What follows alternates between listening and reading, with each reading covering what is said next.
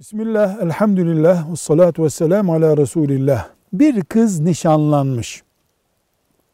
A kişisiyle mesela. B kişisi bir başka kişi. Aynı kıza o nişanı boz, biz evlenelim dese.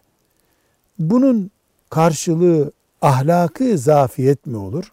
Yoksa dinen günah mı olur? Cevap, Efendimiz sallallahu aleyhi ve sellem kimse kimsenin sözlüsünün üzerine nikahlanma teklifi yapmasın buyuruyor. Bu peygamber sallallahu aleyhi ve sellemin yasakladığı çirkin ve ahlaksız bir iştir. Velhamdülillahi Rabbil Alemin.